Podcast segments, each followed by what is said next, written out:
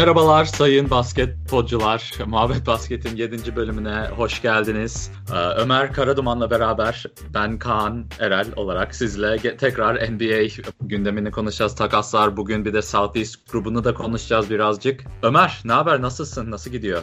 Yine hareketli bir NBA haftasına giriyoruz. Ee, bundan sonra her şey daha da e, hareketli olacak diye düşünüyorum. Çünkü futbol bitiyor. Bugün Super Bowl var. Super Bowl'dan sonra artık Amerika'nın dikkati de daha fazla NBA üzerine yoğunlaşacak. Bundan sonra daha fazla takas, daha fazla heyecan olacağını düşünüyorum. Ya işte takaslar zaten bu perşembe. Biliyorsun son günü takas takımların takas yapabilmesi için. O yüzden bu hafta bayağı gündem akıyor zaten. Porzingis uh, takasını konuşmuştuk. Porzingis Dallas'ta şu an. Uh, bir daha önceki bölümümüzde dinleyebilirsin dinleyebilirsiniz bütün işte salary cap, finansal uh, parçalarını takasın bir de sahada nasıl oynayacaklarını, gelecekleri nasıl uh, oldu bu takımların. Şimdi New York Knicks'e Dallas. Bakalım daha da takas da yapabilirler. Uh, hamleleri bitmemiş olabilir New York'un ondan da bahsettik. Anthony Davis zaten bütün gündemi aldı, çaldı. Her her gün herkes Anthony Davis'in nereye gideceğini konuşuyor. Uh, aynı zamanda Memphis Conley ve Gasol'u vermek istiyor takımlara satmak istiyor ama birçok da birçok takım var 30 takım var ligde ve hepsi bu bu ara bu aralar takaslar için e, değer ölçüyor. Bütün takımlarının değerini ölçüyorlar. Bunu zaten tüm sezon boyu yapıyorlar ama ilk başta Southeast grubuna biraz daha detaylı uh, finansal durumlarına ve istatistiklerine geçmeden önce bu takasları konuşalım dedik. Çünkü Southeast Division pek de eğlenceli bir evet. bir grup değil. Aynı zamanda gündemler biraz daha önemli ve sizlerle sizler de bundan daha çok zevk alacağınızı düşündüğümüz için böyle bir karar alalım dedik. Ama Southeast Division'a biraz daha da ilgi göstermemizi istiyorsanız lütfen bize söyleyin Instagram'da @muhabbetbasket. Bir de girmeden önce Ömer sana işte açacağım muhabbet ama Instagram'da biz anketler sunuyor, sunuyoruz tüm maçlar için ve maçlardan sonra o anketlerin sonuçlarını koyuyoruz Instagram'a paylaşıyoruz sizlerden. Sizin oylarınız nasıl gecenin maçlarını nasıl seçti? Bildiniz mi, bilmediniz mi? Şimdi bunlar tamamen bizim bizden çıkan şeyler. Ya, hatalı bir post koyarsak takım kazandı mı, kazanmadı mı diye koyarsak söyleyin. Ama bunu açık bunu bir açıklama yapmak istedim. Çünkü geçen hafta galiba Lakers'ı seçmiştim ben kazanır diye. LeBron'un geri dönüşüyle. Tabii LeBron oynamadı Warriors'a karşı. Ama oylamada Warriors kazandı. Şimdi ben o yüzden Warriors'ın kazandığını söyledim paylaşımımızda. Buna bir açıklık getireyim dedim. Şimdi de Ömer. yani evet bu e, Instagram üzerinden kolektif e, takipçilerin seçtiği e, story'de seçtiği takımları biz değerlendiriyoruz. O takım yendim. Ya yani o, o seçtiğiniz takım yendi mi yenmedi mi? Yani oradaki ok işareti, yeşil işaretler seçtiğimiz yani kolektif olarak seçilen takımın yendi. Hani takipçilerimizin ortalamada e, galibi tutturduğunu e, gösteriyor. E, yani öyle o zaman bireysel bir tahmin değil. Bireysel tahminlerimiz de yani herkesin bile, bireysel tahminleri yanlış doğru olabilir ama birçok insanın tahminlerini bir araya koyunca biraz daha mantıklı bir e, şey resim kurabiliyoruz size. Um, ama Bugün takas oldu. Bir saat önce falan Wojnarowski, Adrian Wojnarowski uh, gene tweet attı her zamanki gibi. Portland ile Cleveland arasında pek de bomba gibi bir uh, takas değil ama Portland kanat rotasyonuna Rodney Hood'u ekledi Cleveland'dan. Cleveland'da Nick Stauskas, Wade Baldwin Jr. bir de iki tane ikinci tur draft hakkı kazandı Portland'dan. Uh, bu ikinci tur draft hakları 2021 ile 2023 sezonundaki uh, draft, draft hakları. Rodney Hood da Blazers'a gitti. Nick Stauskas Baldwin ne kadar oynar bilmiyorum ama bu takasla ilgili hemen immediate uh, şeyini, reaction'ını alayım. Reaction neydi işte, tepkini alayım. Uh, ya Portland'ın Portland'ın e, şey performansının, e, playoff performansında bazı sıkıntıların ondan önceki senede de e, hücumda bazı sıkıntılar yaşadığını biliyoruz. E, bunun için erkenden önem almaya çalışıyorlar. Dediğim gibi kanat rotasyonuna e, bir ekleme. Rodney Hood aslında e, ligde çok uzun süredir, 3 senedir Jazz'de oynadığı dönemlerde de çok büyük beklentileri olan bir oyuncuydu. Hamurunda da aslında kaliteli bir oyuncu ama biraz özgüven problemleri. E, Cleveland'da özellikle bu problemler daha da ön plana çıktı. Hoş bu sene aslında topu elinde daha fazla kullanabileceği bir seneydi.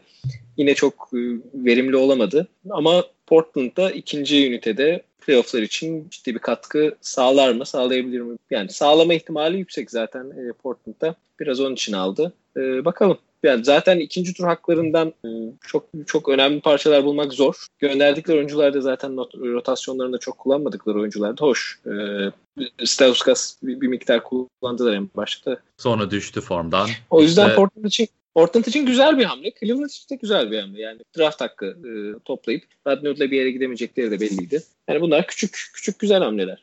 Ya şimdi Rodney Hood için belki bir tık daha değerli bir paket alabilirlerdi diye düşünüyordum aslında ilk başta ama Rodney Hood yani pek de oyun iyi oynayamıyor. Hep sakat. Yani her sezon sakatlıktan dolayı tüm yani potansiyeline varamadı bu, bu saate kadar. İşte bu bu sene de uh, restricted free agency ise çok önemli bir sene. Yok restricted free agency uh, geçen seneydi ve o işte imzalayamadı şey qualifying offer dediğimiz şey gene NBA finans bölümünde anlattık bunu. Qualifying offer diye düşük bir miktarda e, kontrat imzaladı. 3-4 milyon dolara bir kontrat imzaladı ki biz bu sezon iyi oynayıp uh, unrestricted olunca yani tamamen serbest olunca takım seçme konusunda daha güzel bir kontrat, daha yüksek bir kontrat imzalayabilmesi için bunu imzaladı ama Cleveland'de ve Cleveland'da da pek performans e, performansını yükseltemedi, sergileyemedi istediği performans. O yüzden böyle iki iki tane ikinci tur draft hakkıyla Wade Baldwin genç bir point guard ama nasıl bir numara nasıl yani on, onda da pek bir şey yok. Nick Stauskas seneye sıcak başladı ama soğudu ve uh, Portland'ın rotasyonundan da düştü. O yüzden yani şey pek de önemli bir takas değil. Bu kadar uh, vakit harcamamıza gerek yok. Gelelim takımların arayışlarına. Şu an gündemde bayağı birçok takımın uh, hem satmak istediği oyuncular var hem satın almak istediği oyuncular var takas uh, marketinde. Ve bu oyuncuların biraz da değerlerini konuşalım dedik. Takımlar niye böyle bir karar aldı yani neden bu kararlara vardıklarını da konuşalım dedik. Başlayalım o zaman. Pelicans'e Anthony Davis'i zaten konuştuk ama Anthony Davis dışı da bir oyuncuları çok yani kadrodaki oyuncular ve değerli olan oyuncular birkaç tanesi var. Mirotic, Julius Randle ve Etwan Moore takas gündeminde işte değer ölçmeye çalışıyorlar ve doğru fiyata da satarlar bu oyuncuları. Mirotic hakkında ne düşünüyorsun? Ben valla senin işte Philadelphia 76ers'da çok büyük bir katkı sağlayabileceğini düşünüyorum. Yani e, ben Pelicans'a de, değinmeden evvel e, bir şey diyeyim. Genel olarak hani şu anda takımlar niye bu takasları arıyorlar, daha evvel niye aramadılar diye küçük bir not e, koyayım oraya.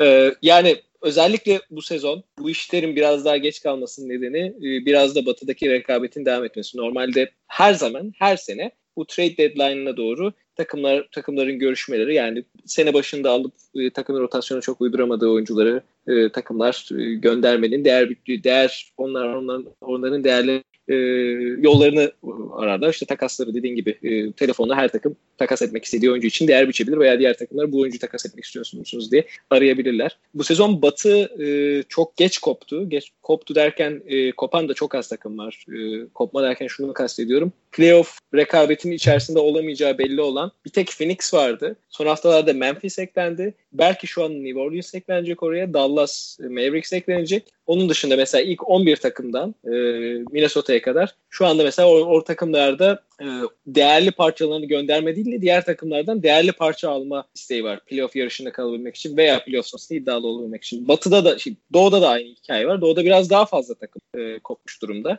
Atlanta, Chicago, Cleveland, New York, e, Orlando, Washington kopuyor gibi. E, bundan dolayı aslında biraz da e, şu anda daha da artış gösteriyor bu trade hikayeleri. Yani bundan bir ay evvel çok fazla konuşulmuyordu. Ben hemen evet, çok, Mirotic'e döneyim. Çok güzel bir noktaya vurdun. Yani herkes bakalım playoff'lara kalabileceğiz mi modundayken şimdi nerede oldukları biraz daha belli olunca başladı. Gerçek muhabbetler başladı. Geçen seneki haberlere bakarsan tarihlerine çok daha önceden başladı bu yani çok güzel bir noktaya vurdun gerçekten ben de fark etmemiştim. Ee, şimdi Pelicans'ta Mirotic, Mirotic birçok takımın işine yarayabilecek bir oyuncu. Ee, özellikle 76ers'ın içine çok yarar diye düşünüyorum. Çünkü e, zaten Mirot, Mirotic'e benzer Avrupalı oyuncular bayağı var. Bielitsa'yı almak istemişti 76ers. Bielitsa değişik bir kontrat oyunuyla Kings'e gitti. Bielitsa gibi e, Mirotic de bu takıma yani bir şut potansiyeli, ciddi bir üçlük potansiyeli olan bir oyuncu. Çok ciddi sayıda da üçlük üreten, yüzdeli atan bir oyuncu. Hatta sezon başında inanılmaz rakamlarla atıyordu. 55'te falan atıyordu. %55'te. O biraz normale döndü sakatlık sonrası. Yani 76ers'a inanılmaz bir katkı sağlayabileceğini düşünüyor muyum? Bence playoff için ciddi bir katkı sağlayabilir. Takımın tam da ihtiyacı olan oyuncu da diyebilirim. Yani 76ers'ın öyle de böyle bir şutöre ihtiyacı var. Bunun uzun olması, kısa olması çok önemli değil ama uzun olursa tabii daha yönlü olabilir. Savunmada biraz daha şey olabilir. Takım zaten uzun. Ee, yani özellikle uzun olmasına da gerek yok. Ama Mirotic çok iyi olabilir. Ben Mirotic'i aslında Dallas'ın potansiyel ilk beşine de şey görüyorum ya. Böyle bir kafamda bir Avrupalı ilk beş yaptım Dallas için. Herkes Vucevic de mi oraya gönderiyoruz o zaman? Yani Mirotic'i, Dragic'i, Usevic'i aynen hepsini oraya gönderip ilginç bir ilk beş yapabiliriz. o zaman Julius Randle da şu an yani markete sunuyorlar ama Julius Randle'ın seneye işte player option'ı var 9 milyon dolara. Bu sezon 8.6 milyon dolarlık bir kontrat imzaladı. Julius Randle birçok takımın takımın işine yarayabilir çünkü bu işte small ball işte daha kısaya gidince oyun Julius Randle'ı 5'e bile koyabiliyorsun. Ofansif oyunu çok güçlü bir oyuncu. Biraz da Jabari Parker'a benzeyen bir oyun tarzı var. Um, Julius Randle'da bakalım yani hala genç sayılır. Uh, 24 yaşında, 25 yaşına geçecek işte bu sen, sezon bir dahaki sezonun başında. O yüzden yani çok da genç sayılmaz. Potansiyelini bu kadar gibi görebilirsiniz. Yani biraz daha da iyiye gidebilir ama Julius Randle nasıl bir takıma gidebilir ne bileyim işte belki aslında Sixers gene isteyebilir. Yani Clippers bir şey yapabilir mi? Indiana 4 numara yani Thaddeus Young biraz daha yaşlı değiştirelim Julius Randle gibi bir oyuncu. Indiana güzel olabilir ya. Randle, Randle olabilir. Aynen işte Indiana'ya. belki Milwaukee belki olabilir. E, yani Randall enteresan. Etwan Moore da tam işte kanat 3 ve 3 dediğimiz hem üçlüyü iyi hem kanat defansı fena olmayan um, bir oyuncu. Bu Rockets'e olabilir. Pelicans'de zaten böyle bir oyuncuya ihtiyaçları olurdu Anthony Davis kalsaydı ama şimdi olmadığı için Etwan Moore'a da ihtiyaçları yok. Uh, yani Randall, Portland, Portland çok şey olabilir uh, Etwan Moore evet. için. Po- yani Alfa Rucamino'yu bilmiyorum ne kadar seviyorlar ama Myers Leonard artı bir um, first round pick verirlerse çünkü Myers Leonard'ın kontratı kötü. Birinci tur draft hakkı demek istiyorum. First round pick derken. um, o yüzden de böyle bir takas olabilir. Bilmiyorum. Yani Etwan Moore'un değeri çok da fazla olmaz. Bazen e, takımlar takas yaparken işte değeri yüksek bir oyuncunun, değeri pozitif olan bir oyuncuyu alıp e, diğer takımda değeri negatif olan bir oyuncu artı bir bir draft hakkı ya da artı iyi bir oyuncu. Yani dengeler eşit yani e, değerler dengelenmesi lazım bu takaslarda ve birçok yönde de, uh, dengeleyebiliyorsun. Uh, Portland hakkında, ay Pelicans hakkında başka düşündüğün bir şey var mı yoksa geçelim istersen? Yani şöyle çok kısa şey söyleyeyim. E, Randall'ın e, özellikle playofflarda kendini göstermek isteyeceğini düşünüyorum. Randall'ın marketinin geniş olduğunu düşünüyorum. Ben Pelicans aslında e, reset atmak için, takımı yenilemek için çok iyi bir e, imkana sahip şu anda. Hakikaten değerli parçaları var. Ne istediği önemli. Randall için çok ciddi şeyler istemiyorsa ikinci tur hakları ile idare edebilecekse zaten Randall önümüzdeki sezon Pelicans'ta oynama ihtimali düşük. Ee, yani Randall e,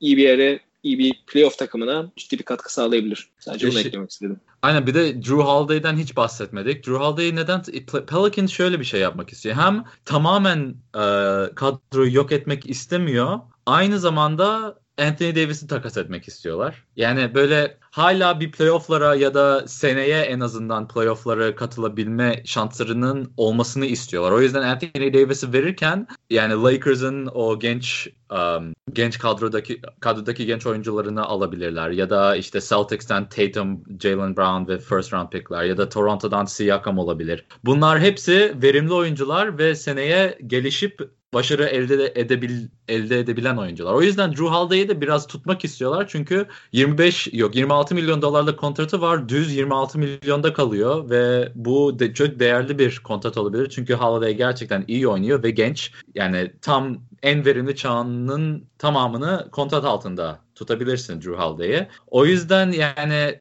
Randall'ı verip de tamamen e, ikinci tur uh, draft haklarıyla yapmak isterler mi bilmiyorum. Ama yani bakalım Pelicans gerçekten hala aktif olacak. Anthony Davis ama verecekler mi trade deadline'dan önce? Onu Bence net, net bir şekilde vermeyecekler. Net bir şekilde vermeyecekler. Enteresan. Ben mes- mesela bu bu sezon biten kontratları çok önemli oluyor takımların Anthony Davis'te takas et- edebilmek için. Mesela Lakers'ın uh, Rondo ya da KCP'ye eklemesi lazım kontratları eşitleyebilmesi için. Ya da New York mesela Enes Kanter'i verip diğer genç oyunculara katabilir.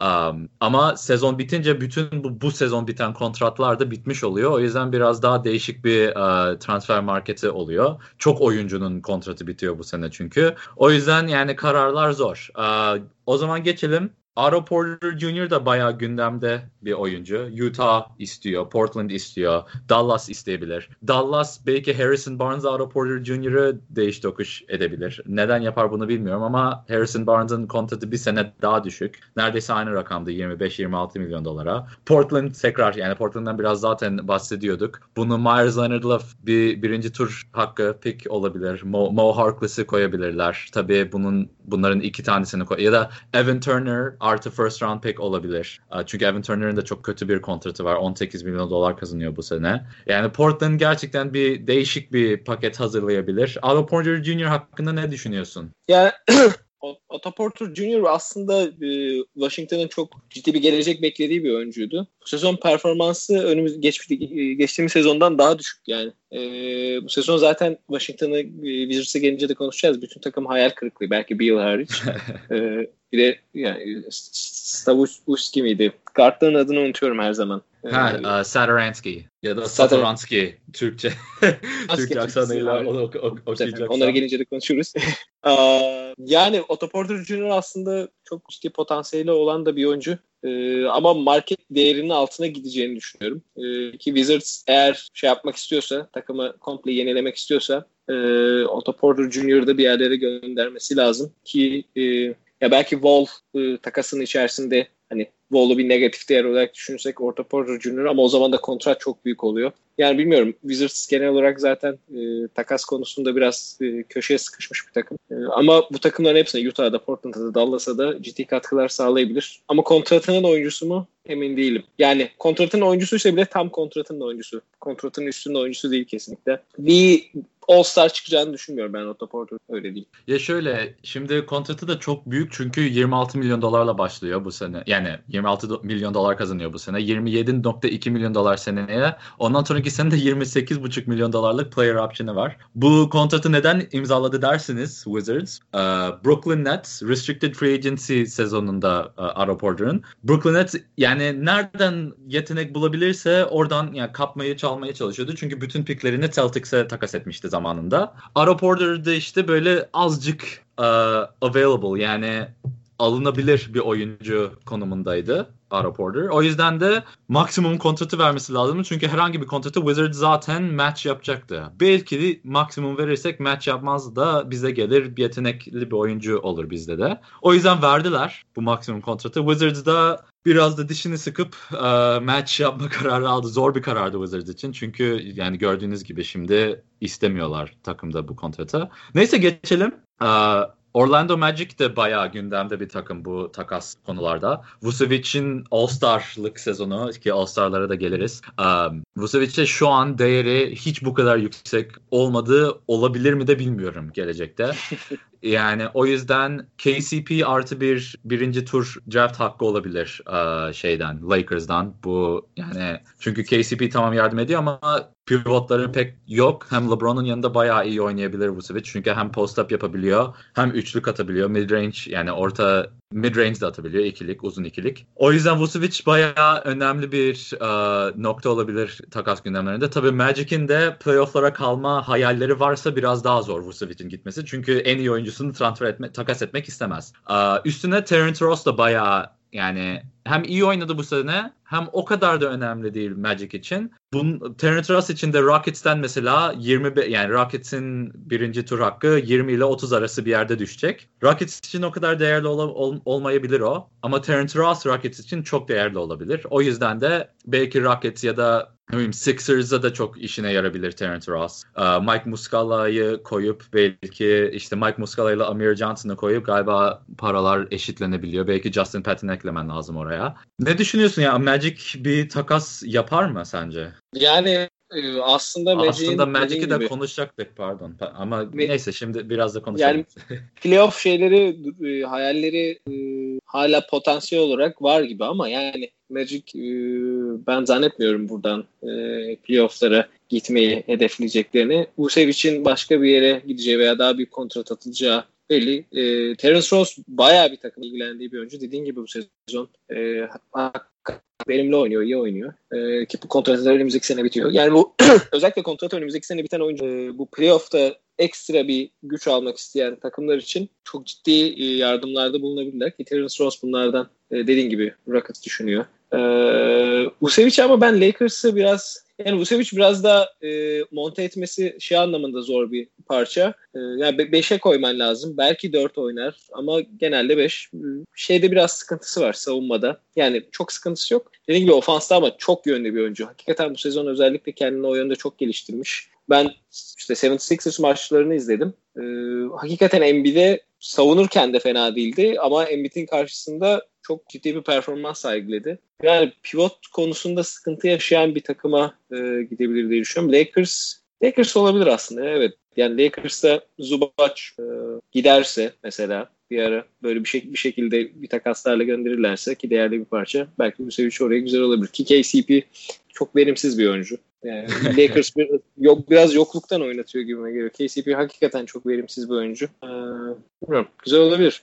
Ya şimdi Terence Ross'la KCP de ki birçok oyuncu şu an bahsettiğimiz birçok oyuncunun kontratları bu sezon bitiyor. Expiring contract, contract olarak e, geçiyor bunlar NBA'de. Yani bu sezon biten kontratlar çok verimli olabiliyor çünkü takımlar seneye ya vergi ödemek istemiyor mesela e, Blazers'ın e, durumunda vergi ödemek istemiyor hem de yani biraz daha esnek bir durum yakalamak istiyorlar. Oyuncuları sadece bu sene oynatalım e, free agency'de hallederiz bir şeyler gibi düşünüyorlar. Th- Thunder da böyle vergi ödemek istemiyor seneye.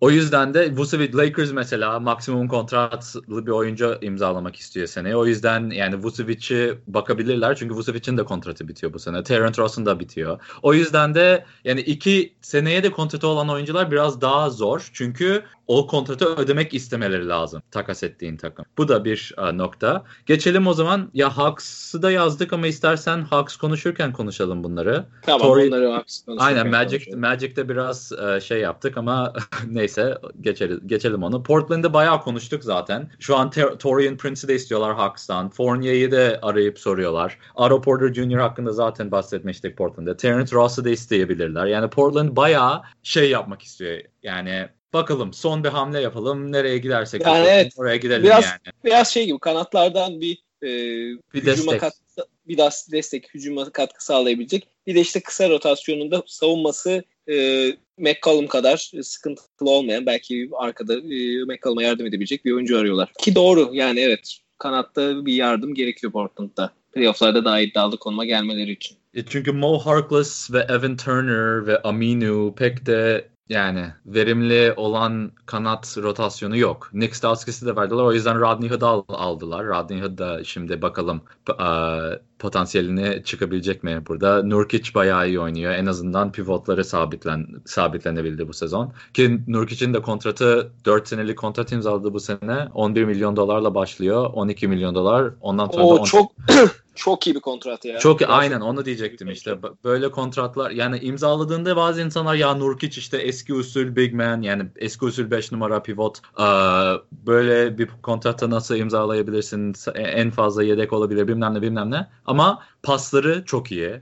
Şut şut da atabiliyor. Çok büyük yani perde perdeleri çok güçlü. Um, o yüzden bayağı bir işe de yarıyorlar. Defansta da işte drop coverage diye tanımlanıyor. Defansta işte e, pick and roll'da diyelim. Uh, kısaya switch yapmıyor arkada kalıyor, potanın altında kalıyor. Rotasyonları öyle ayarlıyorlar Nurkic'in etrafında. Çünkü yani kısalara karşı biraz ay- şey ayakları sıkıntılı. Bayağı yavaş. Ayakları evet bayağı yavaş. Memphis'i konuşmuştuk zaten geçen bölümümüzde Conley ile Gasol'u ama Memphis'te tekrar bahsediyorum. Bu, bu, bu sene biten kontratlar e, çok önemli. Garrett Temple 8 milyon dolar. Jamichael Green 7, 7,5 milyon dolar. Justin Holiday aynı şekilde 4.4 milyon dolarla kontratları bu sezon bitiyor. Bittiği için de takımlar hommage çok istekli bu oyuncular için. Hatta Memphis şimdi tamamen ya e, takımını şey yapmak istiyorsa yani e, bo- boşaltmak istiyorsa takımını bu biten kontratlar yerine kötü kontrat geri alıp üstüne daha da değerli parçalar alabilir. Mesela bu çok Portland konuştuk ama Portland'a geri döneyim. Evan Turner'ın kötü kontratını alıp diyelim biz size e, Gary Temple'ı verelim ya da Jamichael Green'i verelim. Verimli kanat oyuncuları hem defansları fena değil hem üçlük de atabiliyorlar. Tam Portland'ın istediği gibi. Hem Evan Turner'ın kontratı da seneye de 18 milyon olduğu için bayağı değerli bir e, paket lazım Portland'dan. Değerli paket ne olabilir? Bir tane first round ha- pick tur hakkı çok şey. Yani birinci tur hakkı çok değerli bu e, bu NBA'de. O yüzden Böyle takaslar çok şey olabilir. Orlando'da da aynı şekilde kötü kontratlar var. Mozgov'un seneye 16.7 milyon dolarlık bir miktarda para kazanacak. İşte Detroit'ın Detroit'te sen Reggie Jackson tamam yani yok etmek istiyor Reggie Jackson takımından ama kimse o 18 milyon doları ödemek istemiyor Reggie Jackson'a seneye. O yüzden işte bu üç oyuncu bayağı yani takas gündemlerinde görebilirsiniz. Memphis hakkında yani doğru karar aldığını düşünüyorsun diye düşünüyorum Memphis. Evet evet yani bu, bu bahsettiğin oyuncuların hepsi böyle e, tartı olarak şey yaparsak işte ikinci tur hakkı olabilecek potansiyel yani ikinci tur hakkıyla takas edilebilecek potansiyelde. Belki iki tur hakkı tek başına öyle ama ama, ama geri de evet o şekilde olmuyor genel genel itibariyle. Genelde kontratların e, takası e, ile oluyor. Dediğin gibi hani iki ikinci tur kontrat değerine sahip bir oyuncuyu işte kötü kontrat alıp o iki turu da bir tane birinci tur hakkına çevirebiliyorsun ki yani son yıllarda NBA'de taka, e, draft hakları e, çok haddinden fazla değerlenmeye başladı. Ya e, bence o, haddini buldular. Bence değerini bilmiyorum. doğru buldular ya, diye düşünüyorum. Yani geçen sene birinci turdan seçilen oyuncular hakikaten çok çok verimliydi. Ama bu sene mesela birinci turdan seçilen oyuncular yüzde kaçı iyi oynuyor bilmiyorum. Ya şimdi şöyle. Geçen geçen sene hakikaten ama 2010, 2017'de bayağı bir oyuncu e, hemen takıma adapte oldu 2017 draftında. 2018'de ben o kadar iyi adapte olduklarını düşünmüyorum. Ama bilmiyorum. Bu benim genel olarak böyle sezonun yarısı aslında daha bitmedi sezon. E, görmek Ç- lazım. Çaylakların yani sahada gösterdiği performansını değer olarak görmeyeceksin ama Çaylakların 4 sene takım kontrolü var ve doğru, doğru. daha düşük bir numarada. 4 sene bittikten sonra restricted free agency'de başka takım ona kontrat verseler de sen bunu match yapma yani match yapma hakkın oluyor ve bu match hakkı diyelim maksimum orada da 4 senelik kontrat yani neredeyse 7-8 sene tamamen elinde 20 19'da 20 6 yaşına kadar kontrol var takımlarda. 22 yaşında çıkarsa 22 ile 30 yaşına kadar kontrolü var takımların oyuncular üstünde.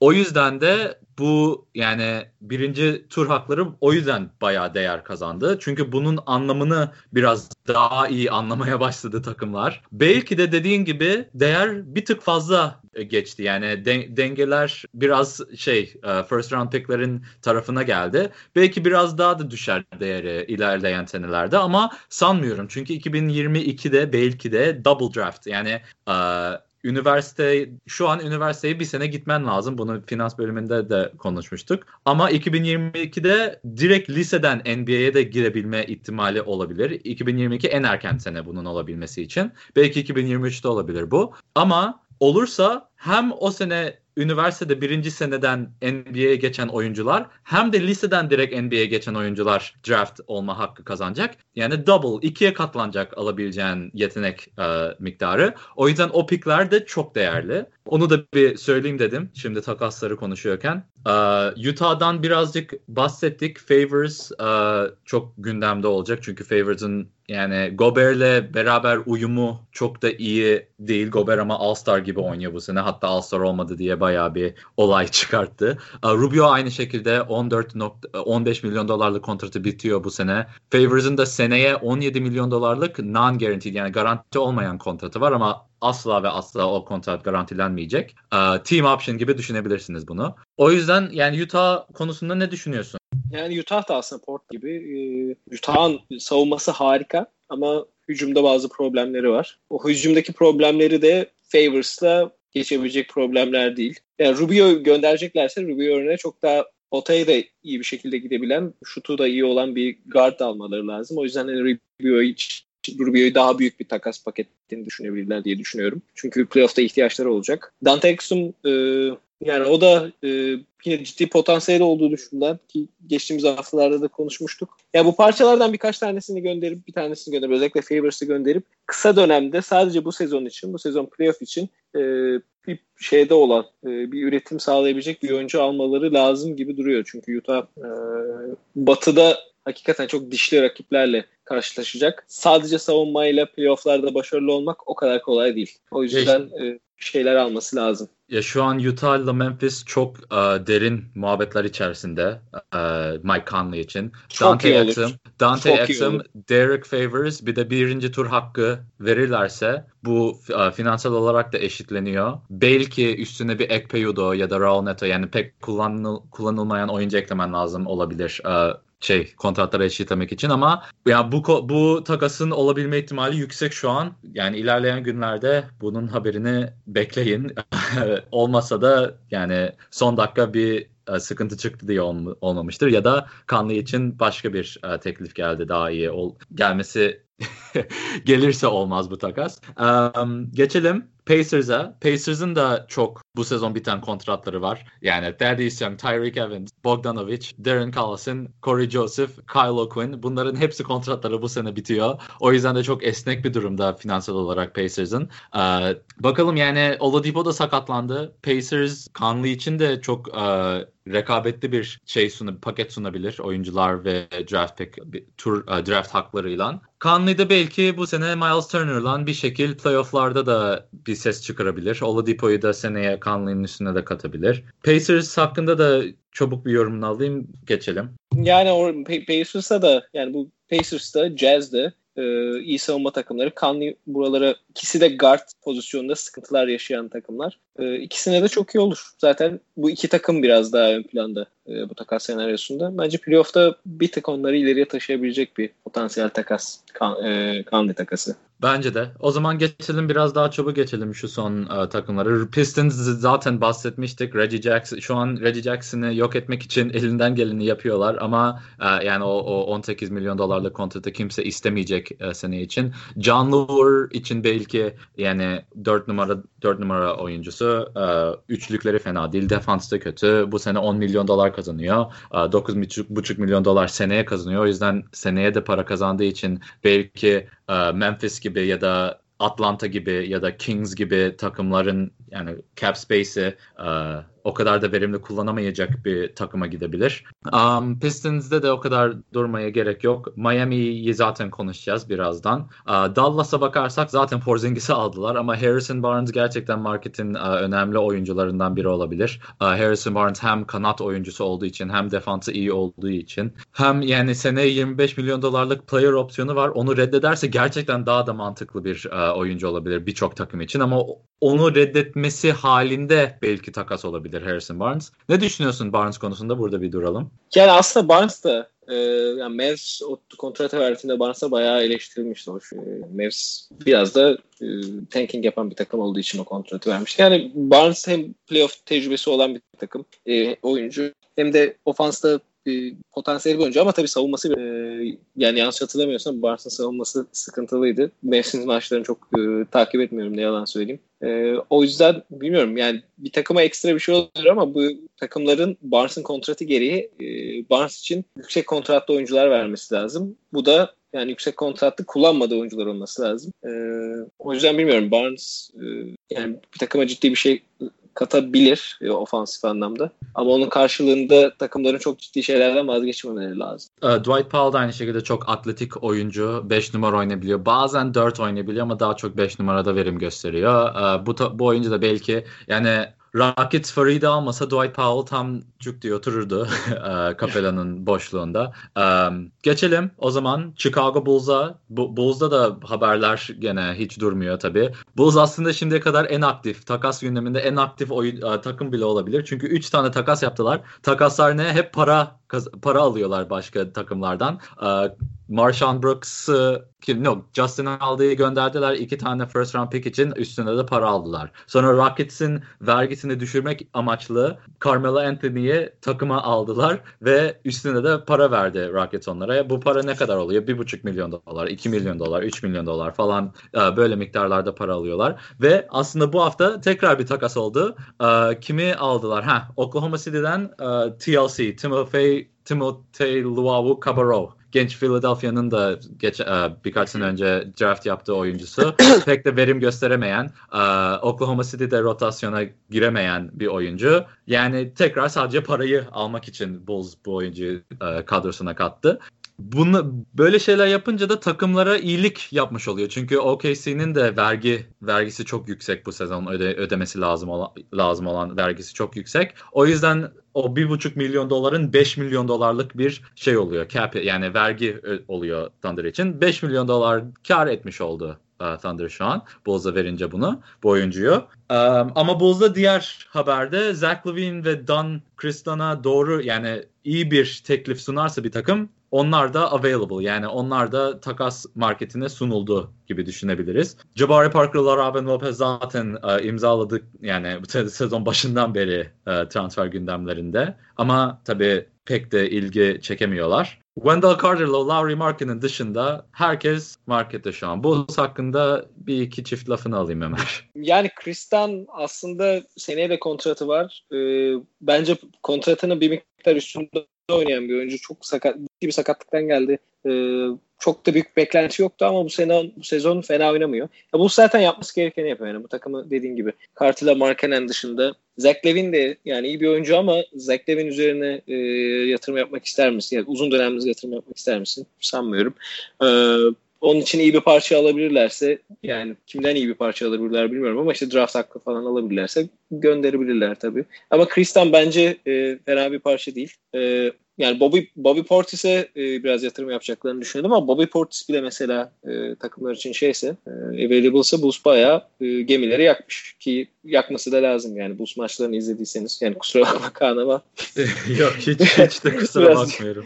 Yakmaları lazım zaten. Bence de. Ee, neyse geçelim bu konu pek de beni mutlu eden konular değil. Ee, Kings, Sacramento Kings çok önemli bir takım bu takas gündemlerinde. Çünkü Kings şu an ligdeki e, salary cap'in altında olan tek takım. Salary cap'in altında olunca takas kuralları biraz daha e, esnek olabiliyor. Şu an mesela bir oyun bir takım Kings'e 10 milyon dolarlık oyuncu direkt verebilir. Hiç e, para geri almasına gerek yok. Çünkü Kings'in salary cap altında 10 milyon dolarlık bir yeri var. O yüzden de çok önemli bir e, takım. Yani kötü kontratlar için önemli. Para paraları eşitlemek anlamda çok daha kolay Kings Kings'in durumu. Çünkü normalde 15 e, milyon dolar gönderirsen 20 bin 20 milyon dolar geri alabiliyorsun. Ama Kings'in durumunda 15 milyon, milyon dolar gönderirsen Kings 30 milyon dolar senden geri alabiliyor. Yani bu 10, 10 milyon dolarlık salary cap'in altında olmanın faydaları bunlar. Üstüne üstlük Willie Cauley-Stein'a pek güven güvenleri yok. Yani geleceğin pivotu olarak Willie Cauley-Stein'ı görmüyorlar gibi yani şeyler haberler geçiniyor e, NBA etrafında. Bu bu bunun sebebiyle büyük bir kontrata imzalamak istemiyor Kings will, uh, Cauley-Stein'ı. Bu sezon restricted free agency sezonu yani çaylak kontratının son sezonu. Çok büyük bir teklif gelirse match yapmayacakları için şimdi Cauley-Stein'dan alabileceğini almak istiyorlar. Çünkü free agency'de hiçbir şey almadan başka bir takıma gidebilir. Ne ne düşünüyorsun? Kings'i bayağı seven bir e, insansın Ömer. Yani Kings'in Kings'in aslında bu sezon e, ya Kings'in şu anda çok fazla var. Önümüzdeki sezonda e, salary cap'inde e, ciddi bir boşluk var. Yani bu e, Knicks hamleleri yapmadan evvel en büyük boşluk sanırım Kings'iydi ya da ikinciydi. E, ya umarım çok saçma sapan bir hamle yapmazlar. E, kontratı devam eden bir oyuncu almazlar. E, veya alıyorlarsa da potansiyeli bir oyuncu alırlar. Yani bence Kings'in şu anda yapması gereken e, şu an dokuzuncular. E, şey için push edebilirler. Yani playofflar için bence push edebilirler ve güzel bir deneyim de olur Kings'in bu genç Kings takımı için. Ee, ya şu an gerçekten bütün kartlar Kings'in elinde. Dediğim gibi o salary cap'in bu sezon içerisinde boşluk olması e, müthiş bir avantaj. Orada şimdilik e, belki bir pik hakkıyla veya işte de, daha nispeten değerli bir parçaya da yanında alarak e, ki şeyleri de var yani ölü parçaları da var. Zach Randolph var mesela. Zach Randolph'u bir yere gönderip 30 milyon dolarlık bir kontrat alabilirler. E, kontrat taşımak istemeyen bir takım varsa. Yani ne bileyim mesela DeAndre Fox'u bu takımda olmasaydı, Kings'te olmasaydı e, mesela Wall ayarında bir oyuncuyu taşıyabilecek bir takım e, şey anlamında. Hem kontrat anlamında hem de riski ya belki Wall kontratında değil de o büyük kontratları bir miktar risk alabilecek bir takım. Çünkü önümüzdeki sene free agency'de çok çok çok büyük yıldızları çekebileceği de düşünülmeyen bir takım. Ee, ya bütün kartlar hakikaten şu an Kings'in elinde. Bence bir bu sezon bir parça daha eklemek e, eklemelerini isterim ben. Bir parça daha Zach Randolph'u gönderip 30 milyon dolar bir kontrat alıp bir parça daha eklesin e, Kings isterim. E, ki işte 30 milyon dolar gönderen takımın e, finansal olarak daha az vergi ödemesini sağlama amaçlı. E, Kings'i görmek isterim yani playoff'larda. her şey King, her şey Kings için şu an daha parlak. Bakalım. Ee, çok eğlenceli olur Kings gerçekten playofflarda kalabilirse. Ama son iki takım Clippers, e, Patrick Beverly, Avery Bradley ve Lou Williams için baya yani doğru bir pick gelirse, bir e, draft hakkı gelirse satabilirler. Bunlar da tekrar yani kontratları bu sezon biten oyuncular. Avery Bradley'nin 12 milyon dolarlık kontratı bitiyor. Yani seneye garanti olmayan e, kontratı var. 2 milyon dolara garanti. E, Beverly'nin 5 milyon dolarlık kontratı bu sene bitiyor. Lou Williams kesin birinci tur hakkı uh, kazanabilir uh, Clippers ve yani isteyebilir de bunu yapmak. Uh, Nuggets'in de enteresan bir durumu var. Nuggets'te pek detaylı konuşmayacağız ama Nuggets'in Will, geçen sene Wilson Chandler'ı Brooklyn Nets'e takas etmişti ve bunu Chandler'ı takas ettiği için 18 12.8 milyon dolarlık trade exception hakkı kazandı. Trade exception nedir? Trade exception diyelim ben free agency'de ya Kings'den bahsediyorduk. 10 milyon dolarlık bir oyuncu ben Kings'e verdim. Ama hiçbir miktar e, para geri almadım. Sadece işte bir draft hakkı geri aldım diyelim. O 10 milyon dolarlık e, takasın 10 milyon dolarını geri alabilirim bir yerden. Yani ben 10 milyon dolar verdim e, Nets'e. Başka takım bana 10 milyon dolarlık oyuncu verebilir. Benim yerim olmasa bile. Salary cap'in altında yeri olmasa bile. Böyle bir şey açıklık yaratıyor. E, verdiğin oyuncuyla aldığın oyuncuların kontratları eşit değilse onun farkı kadar yerin oluyor takaslarda ve Wilson Chandler 12.8 milyon dolar kazandığı için ve Brooklyn'den sadece uh, draft hakkı kazandığı için 12 milyon dolarlık oyuncuyu Nuggets'e hiçbir şey geri almadan verebilirsin. Aynı şekilde Kenneth Faried'in transferi de oldu geçen sene Rockets'e. 13.7 milyon dolarlık exception kazandı. Darrell Arthur'ın da ta- takası olmuştu geçen sene. 6 milyon dolarlık uh, bir exception'ı var. Bu da enter yani ligin birçok takımda bu uh, exception'lar oluyor. Uh, hepsini söylemeye gerek yok zaten. Sadece Nuggets'i bu yani bunu anlatmak için sizlere uh, aktarayım dedim. Townmaker'ı zaten geçen bölüm biraz konuşmuştuk. İstersen sen uh, Townmaker'la kapatabiliriz bu uh, şeyi, segmenti. yani e, Townmaker e, takasını istedi. Onu geçen bölümde konuştuk. Townmaker e, yani bir gelecek vadeden bir oyuncu. Hatta Kevin Garnett varisi olarak gösterdiği bir oyuncu. E, fizik açısı, fizik olarak da benziyorlar. Ama beklenilen patlama yapamadı. Rotasyona da giremedi Bucks'ta. Yani Bucks belki bir playoff'ta kullanabileceği bir parça için Maker'ı gönderebilir. Ee, ki kendisi trade'ini istedi. E, mutsuz takımda. Yani ekstra bir Bucks'a rotasyonda bir parça daha gelebilir. Veya işte sezon içerisinde bir playoff'lara kadar e, takım rotasyonu genişletebilecek sakatlıklar, potansiyel sakatlıklar üzerine e, bir garanti olabilecek bir oyuncu daha olabilir. Dan Maker, güzel olur. Dan Maker'la ilgili de enteresan bir bilgi. Arkadaşım bayağı yani ligdeki birçok insanı tanıyor ki ligde de bayağı konuşulan bir konu bu. Uh, Dan Maker büyük ihtimalle uh, kardeşinin e, doğum sertifikasıyla girdi NBA'ye. Yani olduğundan bir 3 yaş daha genç falan olabilir. Ay daha yaşlı olabilir. Yani şu an 22 yaşında gözüküyorsa aslında 25-26 yaşında olabilir Tan Maker. Tabii bu garanti bir bilgi değil ama gerçekten uh, takımların şüphelendiği bir bilgi. Uh, yani genç değil bu oyuncu diye görülebiliyor Thonmaker. Ibaka da aynı şekilde bu um, Ibaka'da da bu doğru olabilir. Yani bilmiyorum. Bunlar da Şeyde de işte do- Ersan'da da var bu. Ersan gösterilen yaşından en az iki yaş daha büyük. Öyle mi? Onu bilmiyordum. E, Ersan net daha büyük yani.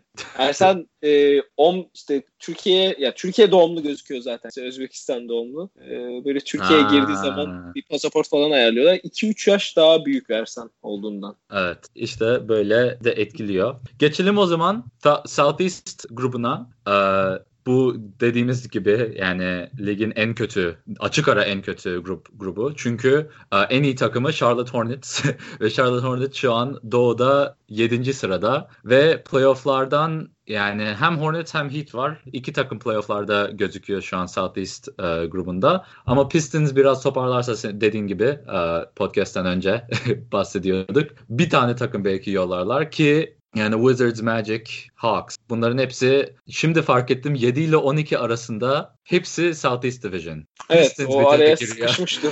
Aynen. Pistons Hornets'in önüne geçse üst üste hepsi e, doğu sıralamalarında beraber oluyorlar. Hornets'ten başlayalım o zaman. 26 galibiyet, 26 yenilgiyle oynuyorlar. 7. sıradalar. Playoff'ların playoff'lardan düşmek tehlikesinde pek de değiller çünkü e, 3,5 maç öndeler. Ama 5. Sıra, sırasından da 7 maç gerisindeler. O yüzden bu Nets, Hornets, Heat ve Pistons dörtlüsü bayağı çekişmeli bir playoff yarışında bitirecekler sezonu gibi gözüküyor. E, istatistiklerine gireyim. Charlotte şu an ofansta yani hücumda um, kaçıncı sırada? 11.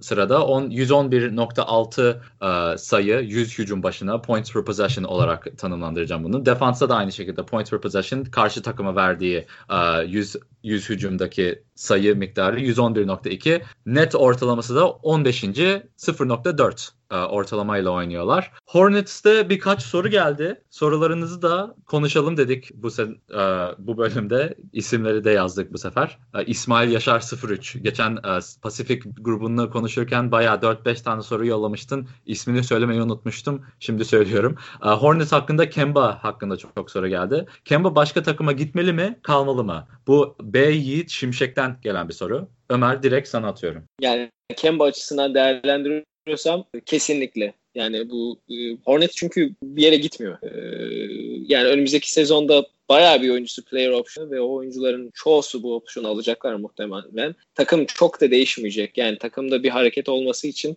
e, bu şeyde salary cap'inde yer yok. Hatta Kemba Walker'a max kontrat öneremeyebilirler. Yani öyle öyle bir pozisyondalar. E, yani ciddi bir vergi yükünün altında girerek ancak önerebilirler. E, yani Kemba Walker olsam ben kesinlikle giderim.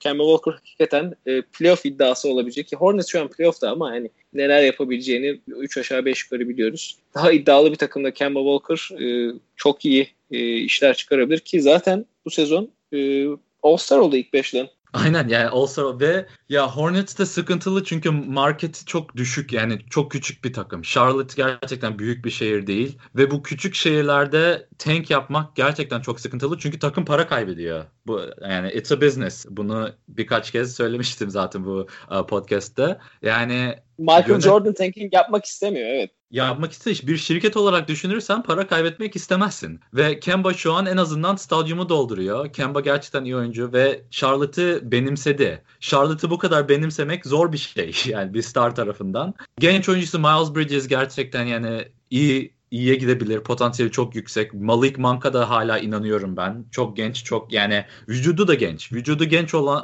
olan oyuncuların e, genç yaş yani daha da yavaş ilerliyor. Daha da yavaş gelişiyor. Malik Monk'tan da büyük şeyler bekliyorum hala. Jeremy Lamb sonunda bir bir şey çözdü. Yani oyununu bu sene verim verimli hale getirdi. Bakalım imzalayabilecek mi? Kötü olan şey Nicholas Batum'a 24 milyon dolar veriyorlar bu sene. Seneye de 25,5 milyon dolar. Ondan sonra da 27.1 milyon dolarlık player option'ı var ki bunu %100 yani 99 diyeyim Onu kabul da edecek. Evet. Onu da verecekler. Onu da verecek. Yani verecekler ki şimdi o zaman kontrat durumlarında kontrat durumlarına da girelim. Hatta dur Kemba hakkında konuşuyorduk. Kemba hakkında ikinci sorumuz da vardı. Burhan Efe 04'ten geliyor. Kemba Charlotte'da kalacakmış. Ee, kalmayacaksa hangi takımlar gidebilir? Ya bunu zaten biraz konuşmuştuk. Ee, giderse Suns belki çok genç ve e, e, birinci tur haklarıyla belki bir paket oluşturabilir. Yani point guard'a ihtiyacı olan takımlar belki Utah girebilir ama Charlotte kalacak yani.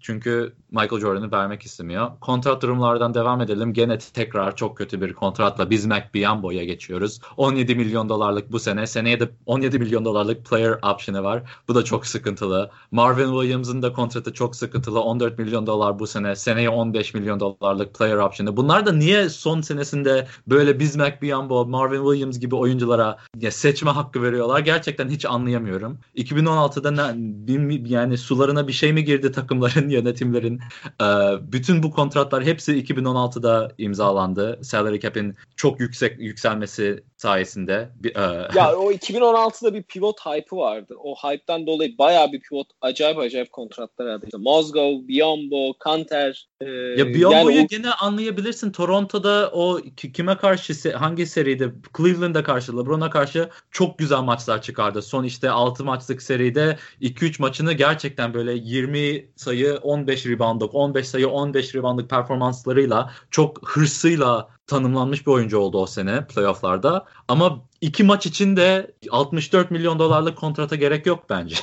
İşte NBA'in nereye gideceğini çok iyi göremiyorum bazı takımlar. O yüzden pivotlara büyük kontratlar verdiler. Ondan kaynaklanıyor biraz bu sıkıntı ve bu sıkıntıyı yaşamaya da devam edecekler. Özellikle player option verenler. Geçelim tekrar kötü bir kontrata. Cody Zeller 13,5 milyon 13,5 milyon dolar kazanıyor bu sene. 14,4 milyon dolar seneye. 15,4 milyon dolar ondan sonraki sene. Hepsi garanti bunların. Ee, Michael Kidd Gilchrist potansiyel ikinci seçildi.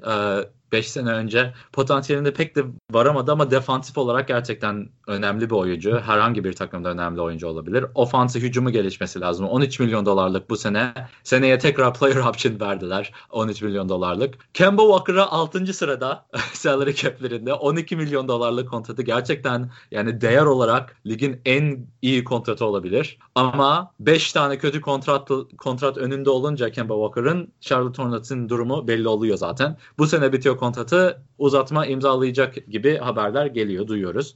Jeremy Lamb 7,5 milyon dolarlık kontratı bu sezon bitiyor. Ömer bu arada durdur beni. Konuşmak istiyorsan ben hızlı hızlı kontratlarla ilerleyeyim diyorum. evet, evet, evet. Tony Parker gerçekten enteresan bir şekilde Hornets formasını giyiyor bu sene e, Spurs'dan sonra. 5 milyon dolarlık bu sene. Seneye garanti olmayan bir 5 milyon dolarlık kontratı var. Onu büyük ihtimalle uh, uzatmayacak Hornets. Frank Kaminsky bu sezon çaylak kontratı bitiyor.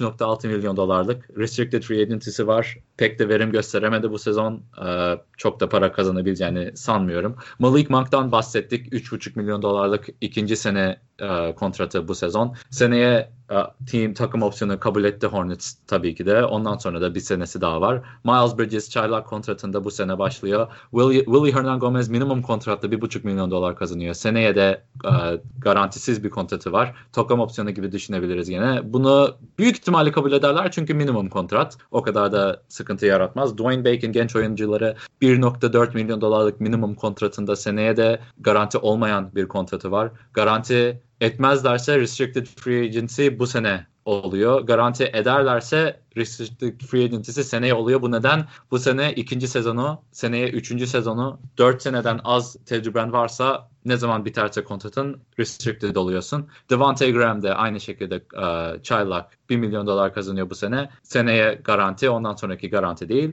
Böylelikle Hornets'i de kapatmış oluyoruz. Uh, son bir lafın varsa Hornets hakkında söyleyelim sonra geçelim. Yok galiba. Yani gerçekten canıma en çok sıkan takımlardan biri de Hornets. Yani özellikle yönetim açısından. Daha dur. Daha dur. Yani, daha, daha, daha, tabii, tabii en, en, en kötü takımlardan biri değil mi? Şöyle yani elinde Kemba Walker gibi bir oyuncu olup ve Kemba Walker'ın böyle iyi bir kontrat altında olmasına rağmen e, ya bu takımın en iyi dört oyuncusu, e, en üretken dört oyuncusu en kötü, en iyi dört kontrattan hiçbirine sahip değil. Yani bu takımdaki en iyi dört kontrata sahip oyuncuların hiçbiri takıma doğru düzgün katkı sağlayamıyor. Yani Aynen. ilginç. Neyse geçelim ya, hakikaten can sıkıcı. Üçün, üçüncüyle dördüncü en iyi oyuncusu çaylak da olabilir. Yani ya Malik Monk çaylak evet. değil de işte genç olabilir. Neyse geçelim Miami Heat'e 8. sırada 24 galibiyet 27 mağlubiyetle oynuyor. Son 3 maçını kaybetti. Bunu e, kaydettiğimiz andan itibariyle e, ve takımın istatistiklerine de geçelim. Şu an hücumda 22. sıralamasında 106.7 point per possession. Defansta da 6. E, iyi bir defansları var. 107.4 points per possession. E, net ortalamaları da eksi 0.8 0.8. Bu hücumda çok top kaybediyorlar. Hiç e, şeye e, serbest ata, atış çizgisine gelemiyorlar. Verimli şut atamıyorlar. Yani hücumda gerçekten hiçbir şeye iyi yapamıyorlar. Heat'ten ama sana atayım. Çünkü ilk sorumuz ne olacak Heat'in hali? Ahmet Furkan 425'ten gelen soru. Çok önemli bir soru bence. Ne olacak Heat'in hali? Yani Heat de yine kötü kontratlar. ee, oraya yani, geleceğiz daha kontratlara. Oraya, oraya daha geleceğiz. Ee, yani Heat aslında sezon başında şey anlamında bir böyle bir potansiyel bir e, ışık vermişti. İşte Josh Richardson çok iyi oynuyordu. Hakikaten All-Star kalibresinde oynuyordu. Sonra bir yerden sonra Winslow, Justice Winslow guard pozisyonda oynamaya başladı. Hakikaten verimli olmaya başladı. E, ama bu takımda işte ciddi bir süreksizlik var. Yani bazen Drag Goran Dragic mesela de Goran Dragic bir sezon iyi oynuyor, bir sezon kötü oynuyor. Bu sezon bayağı sakattı. E, o şimdi yavaş yavaş dönüyor. Nereye bunu monte edecekler? E, genç birkaç mesela Dion Waiters aynı şekilde büyük potansiyeli olduğu e, büyük potansiyeli olan bir oyuncuydu. O da sakatlandı. Sakatlıklarla boğuşan e, olan oyuncuları da çok verimli olma. Mesela Hasan Whiteside hakikaten çok kötü bu sezon. E, onun da müthiş bir kontratı var. Yani Miami, Miami Heat gerçekten saç baş yolduran takımlardan bir, bir, bir, bir başkası. E, Miami Heat'in hali ne olacak e, emin değilim. Onların da çünkü eli kolu bağlı. Bu sezon 158 milyon dolarlık kontrat şeyleri var. Tabii Chris Bosh var bu şeyin içinde ama önümüzdeki sezonda e, ya bir şeyleri yok. Hareket alanları yok. Çünkü kontrat açısından dolular. Bu kadroyla Doğu'da önümüzdeki sezon playoff yapabilirler mi emin değilim. Bu sezon playoff yapma ihtimalleri var tabii ama yani bir yere bir yere gitmiyor gibi. Bu takım bir yere gitmiyor. Bu takımın böyle değerli bu, bu, bu oyuncunun üzerine takımı kurayım diyebileceğin belki işte Josh Richardson, Justin Winslow var ikisinde iyi kontratları var ama onun dışında yani bu takımın komple bir şekilde elden özellikle kötü kontratların elden çıkarılması lazım. Ya Heat maçlarının en en önemli anları zaten Dwayne Wade'in maç sonu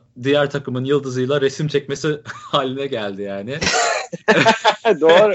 Çok doğru söyledin. Yani Dwayne Wade'i zaten All-Star'a çağırdılar. Miami Heat'in tek All-Star'ı Dwayne Wade. yani 36-37 yaşında emekli olacak bir oyuncu. Takımın bu kadar ön planında olması zaten takımın genel halini anlatabiliyor sizlere. Gelelim kontratlara. Ee, çok sıkıntılı gene durumlarda. Hasan Whiteside'e yani 25 çok bir şey söyleyebilir miyim? Söyleyebilirim. Star'la evet. alakalı. Ya Miami Heat 8. sırada. Muhtemelen e, playoff'ta yapabilecek, yapacak takım. E, yapabilecek bir takım. Ve e, yani 12 kişi seçiyorlar doğuda. Miami Heat'ten herhangi biri konuşulmadı bile. Yani biz mesela burada potansiyel All-Star adaylarını konuştuk. Josh Richardson bir noktada belki iyi olabilir. İlk 10 maçta olabiliyordu Josh ya Richardson. İlk 10 maçta. Onun dışında hani düşünüp All-Star düşünülebilecek bir oyuncu bile yok. Yani Doğu gerçekten çok kötü. O yüzden e, hiçbir şey yok takımda şey açısından. Dediğim gibi bir star şeyine sahip hiç kimse yok. Aynen. Gelelim kontratlara. Hızlı hızlı okuyacağım çünkü yani Hasan Whiteside 25,5 milyon dolar kazanıyor bu sene. 27 milyon dolarlık player option'ı var seneye ki bunu %100 kabul edecek. 19 ee, milyon dolarlık kontratı Tyler Johnson'a veriyorlar e, bu sene. Seneye de 19.2 milyon dolarlık kontratı var. Player option da. Tyler Johnson da çok değişik bir kontrat imzalamıştı. Çünkü e, bir 2-3 sene önce Houston Rockets çok pis poison pill diyoruz. Yani ne demek? Zehir zehirli hap kontratı unvanına sahip olan bir kontrat bu. İlk iki senesi 6 milyonla 7 milyon dolardan başladı. Sonra bir anda zıpladı 19 milyon dolara. Bu işte kurallarda düzeltildi. 2017'deki kontrat imzasında ligle oyuncuların arasındaki imzada e, kontratta değiştirdiler. Böyle bir kontrat yapılmıyor artık.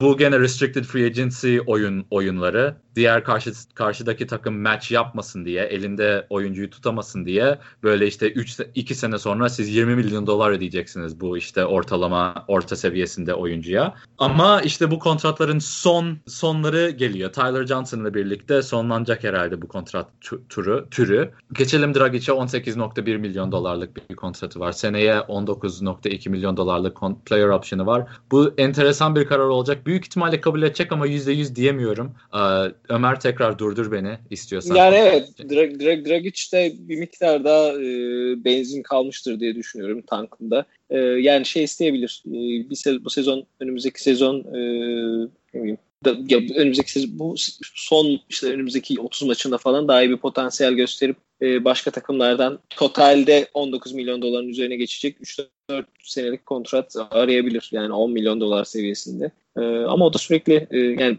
o da bir şey sürekli olmayan bir takım bir oyuncu. Bilmiyorum. Ya kabul etmesi tabii ki en mantıklı opsiyon olur ama etmeyebilir. Şimdi geliyoruz uh, Miami Heat'in 4 senelik kontrat verme sevdasına. James Johnson, Kelly Olynyk ve Dion Waiters'ın hepsi 4 senelik kontratı. Ee, şimdi James Johnson'ın 14,5 milyon dolarlık kontratı var bu sene. Seneye 15,3. Ondan sonra da 16 milyon dolarlık player opsiyonu var. Kelly Olynyk 12,5 milyon dolar, 13 milyon dolar ve 13,5 milyon dolar gene son senesi player opsiyon. Dion Waiters 11,5, 12,1, 12.6 milyon dolarlık kontratlarıyla salary cap'i çoğaltıyor Miami Heat'in. Bu, bu kontratlar neden imzalandı? Çünkü 2 sene önce Miami Heat sezona 11 galibiyet 30 mağlubiyetle ilk 41 maçını sonuçlandırdı. İkinci 41 yani ikinci yarısını 30 galibiyetle 11 mağlubiyetle oynadı. Yani 60 maç 60 e, galibiyetlik bir takım gibi oynadı sezonun ikinci yarısında ve bunu nasıl becerdi? James Johnson'ın muhteşem oyunuyla, Dion Waiters'ın son saniyelerdeki maç kazanması kazanmalarıyla, Kelly Olynyk'in 5 numarada gerçekten çok iyi bir şüter olarak performans sergilemesiyle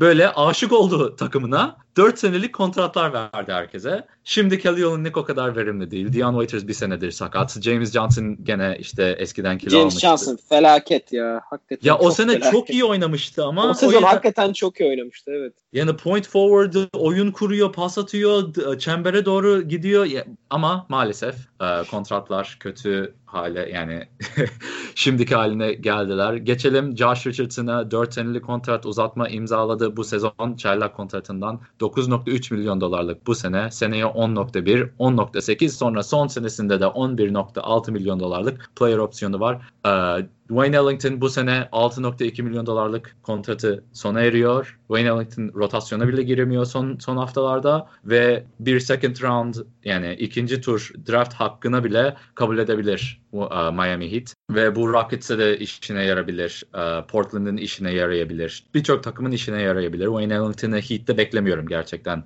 e, haftaya kaydettiğimizde. Justice Evet, Winslow evet aynen. Ya iyi bir geçen sene ligin lideri miydi üçlük yüzdesiyle? Öyle bir şey değil. İlk beşlerde falan oynuyordu. Ya geçen sene ya iki sene önce. Ee, Justice Winslow point guard olarak oynamasına devam ediyor. Ee, 3,5 milyon dolarlık bu sene bu sezon bitiyor kontratı. Hatta uzattı kontratını. 3 sene 39 milyon dolarlık e, kontrat imzaladı. Seneye 13 milyon dolardan başlıyor kontrat. Bam Adebayo çaylakları gerçekten çok yok. Çaylakları bu sene Bam Adebayo çaylak mı? Sene geçen sene miydi? Yok.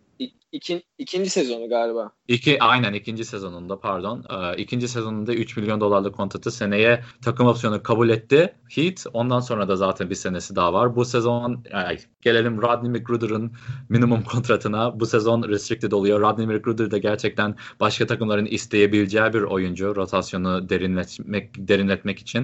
Ee, Derek Jones Jr. çok atletik, uzun bir oyuncu. 1,5 milyon dolarlık minimum kontratı var. Seneye kontratı garanti değil ama o da minimum e, minimumda. Dwayne Wade son senesini minimum kontratla 1,5 milyon dolar kazanarak geçiriyor.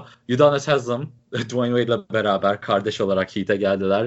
E, kariyerlerini bu sezon bitiriyor. O da minimum bir kontratta. Ya Heat o zaman şeyle bitirelim. Dwayne Wade'in kariyeri yani eğlendirdi mi seni? Onu bir sorayım dedim sana. Tabii ya eğ- eğlendirdi. Yani Dwayne Wade e, aslında jenerasyonunun e, ilk ilk yüzük alan takım lideri. Şeyden James'ten evvel aldı yüzüğünü Shaq'la beraber. Yani Hall of Famer olacağı kesin bir oyuncu. Hakikaten e, bence Ya. eğlendirdi. tarihin üçüncü yani 3 numaralı 2 numarası diyelim shooting guard olarak. Yani Michael Jordan var, Kobe Bryant sonra da Dwayne Wade geliyor. Pek de pek de yani tartışılmaz bir konu bu. O zaman gelelim Wizards'a. 22 galibiyet, 30 mağlubiyetle oynuyor. Gene çok sıkıntılı bir takım. Ee, 18. hücuma sahip 109.4 point per possession. Defansları 25. sırada 112.4. Ee, Net ortalaması da 22 22. sırada eksi 3 sayı her maç yeniliyorlar. Washington Wizards hakkında da sorumuza geçersek bu haftaki e,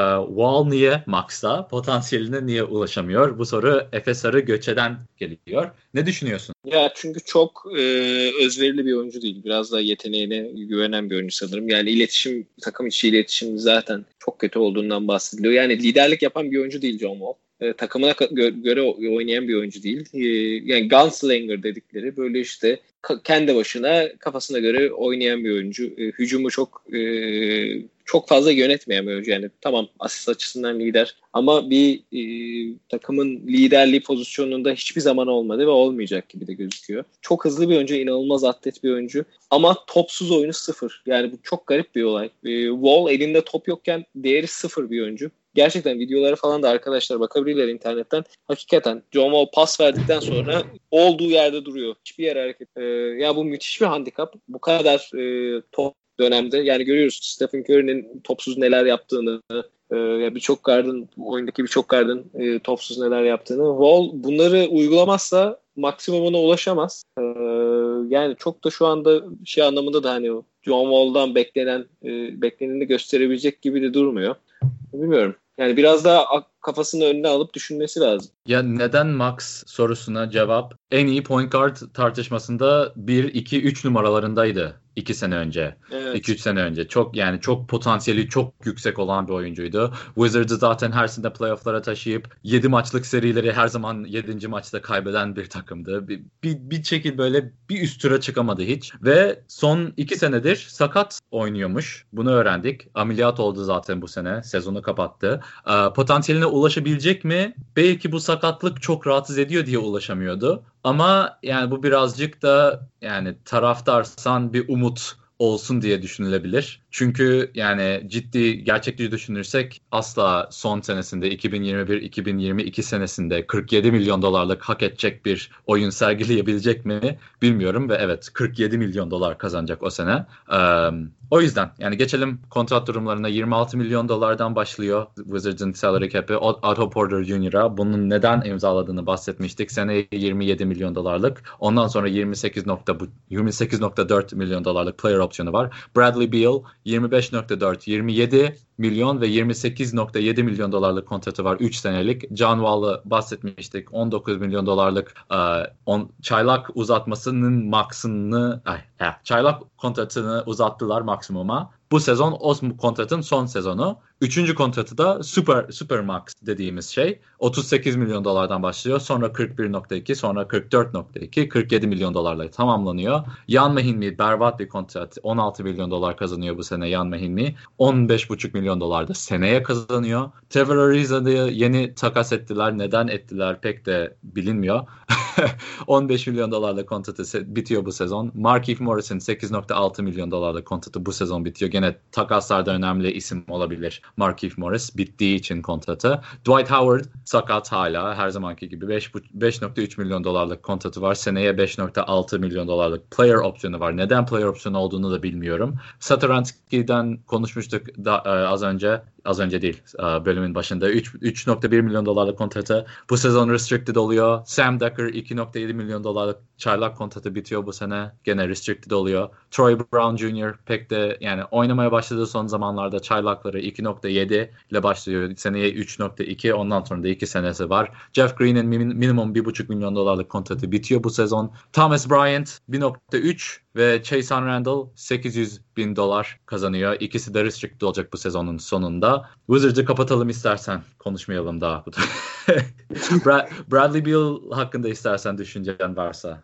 Yani bu takımın en iyi oyuncusu Bradley Beal. Ee, bu takım bir şey karar vermesi lazım. Yani Wall'la e, Wall'la yollarımızı ayıracak mıyız yoksa biraz daha deneyecek miyiz? Çünkü Wall'la Beal yan yana olmuyor. E, yani verimli olamıyorlar. Beal Wall'suz çok daha iyi. Hatta Wall'suz e, Wizards geçen sezonda fena iş çıkarmamıştı. Bu sezon da fena iş çıkarmıyor. Ee, yani Wall'u ama kontrat gereği de gönderemiyorlar. Ee, ancak böyle bir yıllık bir paketle veya top ortalı bir paketle o da o, o paketle mesela bu sezon için ciddi bir ciddi bir e, maaş olmuş oluyor yani onun eşlemesi zor. Yani e, ben önümüzdeki ya potansiyel bir genç e, takımda yani Thomas Bryant var. E, Sam Decker'a belki bir kontrat verebilirler. Satoranski fena oynamıyor. Yani bu takımın bir yılın etrafında tekrar toparlanabileceğini düşünüyorum. E, ama John Wall'u ya belki şu anda değil çünkü şu an değeri hakikaten çok John Wall'un. Belki önümüzdeki sene e, bir noktada göndermeleri gerekiyor. E, bu takımı resetleyebilmeleri için. Ki kaç sezondur pikini de kullanmıyor bu takım Wizards. Bu sezon kullanacak sanırım değil mi? Aa, bu sezon kullanacak evet göndermezlerse takas Perşembeye kadar. Gelelim o zaman Orlando Magic'e. Orlando Magic hakkında aslında konuştuk bayağı bunu daha kısa tutabiliriz. Şu an 12. yok 11. sıradalar. 22 galibiyet 31 mağlubiyetle oynuyorlar. Ee, o, hücumları 23. 106.5 point per possession. Defansı 15. 109.6 point per possession. 24. net ortalamalarına sahip. Eksi 3 3.1. Um, Magic hakkında soru yok zaten. İstersen direkt kontratlara geçeyim. Sen de durdur konuşmak istediğin oyuncu çıkınca. Aaron Gordon 21 milyon dolar kazanıyor bu sene. 21,5 milyon dolar kazanıyor bu sene. Yeni imzaladı. Bu kontrat düşüyor. Her sene düşüyor. 18.8'e düşüyor. Sonra 18.1. Sonra da 16.4 milyon dolarla kapatıyor. Evan Fournier 17 milyon dolarlık bu sene. Seneye ve ondan sonraki sene 17 e, milyon dolar kazanıyor. Son senesi player option bunun. Miles Govan tekrar 2016'ların 2016'da imzalanan kötü kontratlarından 16 milyon dolarlık hala bu sezon devam ediyor. Seneye de 16.7. Vucevic konu... bu sezon hiç oynamadı ya. Hiç yani... oynamadı. Sağ boş. Boş hiç para oynamadı. bedavaya hesabına 16 milyon dolar yatıyor adam. Ne güzel. Vucevic 17 ay 12.7 milyon dolarlık kontratı bitiyor. Terence Ross'tan da konuştuk. 10.5 milyon dolarlık kontratı bitiyor. DJ Augustin 7.2 kazanıyor bu sene. Seneye aynı şekilde 7.2 milyon dolar kazanıyor. Jonathan Simmons 6 milyon dolar. Seneye 5.7 milyon dolarlık kontratı garanti değil. Kabul edebilirler belki bunu. Bakarız. Jonathan Isaac ikinci senesinde 5 milyon dolarlık kontratla devam ediyor. İki sene daha var. Bamba çaylakları 4.8 milyon dolar kazanıyor ve bu sene bu 5 sene ay 4 sene devam ediyor. Jerry Grant Bulls'dan aldılar geçen sene. Çok da verimli olamıyor ama oynaması lazım. 2.6 milyon dolarlık kontratı bu sezon bitiyor. Çaylak kontratı restricted oluyor. Gerald Martin'in de çaylak kontratı bu sezon bitiyor. Restricted oluyor. Cam Birch aynı şekilde 1.5 milyon ay 1.4 milyon dolarlık minimum kontratla oynuyor. Wesley Uwundu, Melvin Frazier, çaylakları, Isaiah Briscoe hepsi minimum kontratlarda ve pek de dinleyicilerimizin çok tanıdığı oyuncular değildir bunlar. Ama Orlando Magic hakkında efendim? Yani Or- Orlando hakkında birkaç bir İstersen ee, söyle. E, e, Aaron Gordon'un bence kontratı iyi. Yani Aaron Gordon e, potansiyeli de olan bir oyuncu. Bu sezonda fena oynadı. Yani zaten Magic her zaman e, her zaman dediğim iki sezondur böyle. İnanılmaz başlıyorlar sezona. Çok çok yukarılardan yavaş yavaş düşmeye başlıyorlar bir noktadan sonra. E, ama Magic bence e, ya bu kötü kontratların yanında değerli parçalara sahip bir takım. Jonathan Isaac değerli bir parça. Bamba müthiş bir hype'ı vardı. Mamba e, biraz NBA'ye alışması lazım. Zayıf kalıyor. Gerçekten güçsüz kalıyor atışını da biraz daha geliştirmesi lazım. Yani bu takımda aslında bir potansiyel var ama işte göndermeleri gerekenler var. Kontratlarda sıkıntılar var. Ama mesela Orlando Magic'in durumu atıyorum bir Heat'in durumu gibi değil. Ee, bence fena bir durumda değil her şey açısından. Yani gelecek açısından Orlando Magic taraftarları biraz daha e, mutlu olabilir Heat taraftarlarından. E zaten sezonuna çok iyi başlamışlardı. Playoff'lara koşma gibi bir ihtimal bile yarattılar kendine ki bu yoktu. Bu Mazgov'un kontratı bitince zaten yani sene bu sene değil de seneye bitiyor.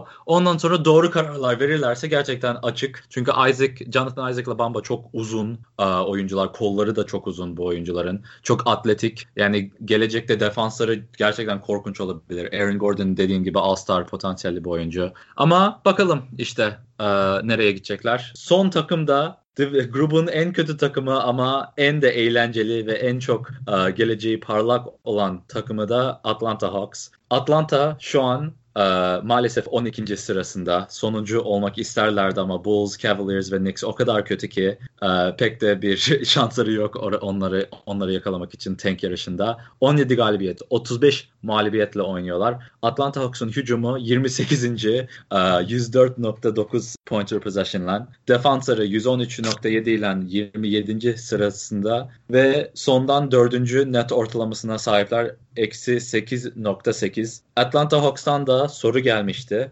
Um, bu Americation Altre'den gelen soru. Trey Young ciddi yerlere gidebilecek mi? Zaten Trey Young'dan başlamak en mantıklısı. Trey Young hakkında ne düşünüyorsun? Yani sezona gerçekten iyi başlamadı. Bayağı kötü başladı ama e, son haftalarda, son bir ayda John Collins ile beraber hakikaten iyi bir e, ikili oldular. E, ya fiziksel açıdan tabii e, çaylakların NBA'ye e, uyum sağlaması biraz vakit alıyor. Özellikle guardların. Ki Trey Young gibi e, daha çok şut üzerinden oynayan guardların, şutör guardların e, içeriye top bırakmaları falan hakikaten çok zor oluyor ki Trey Young bu açısından da kısa bir oyuncu. E, ama ben e, Trey Young'ın çok şey açısından da iş ahlakı açısından da çalışan bir oyuncu ki e, o da belli oluyor. Yavaş yavaş kendini geliştiriyor.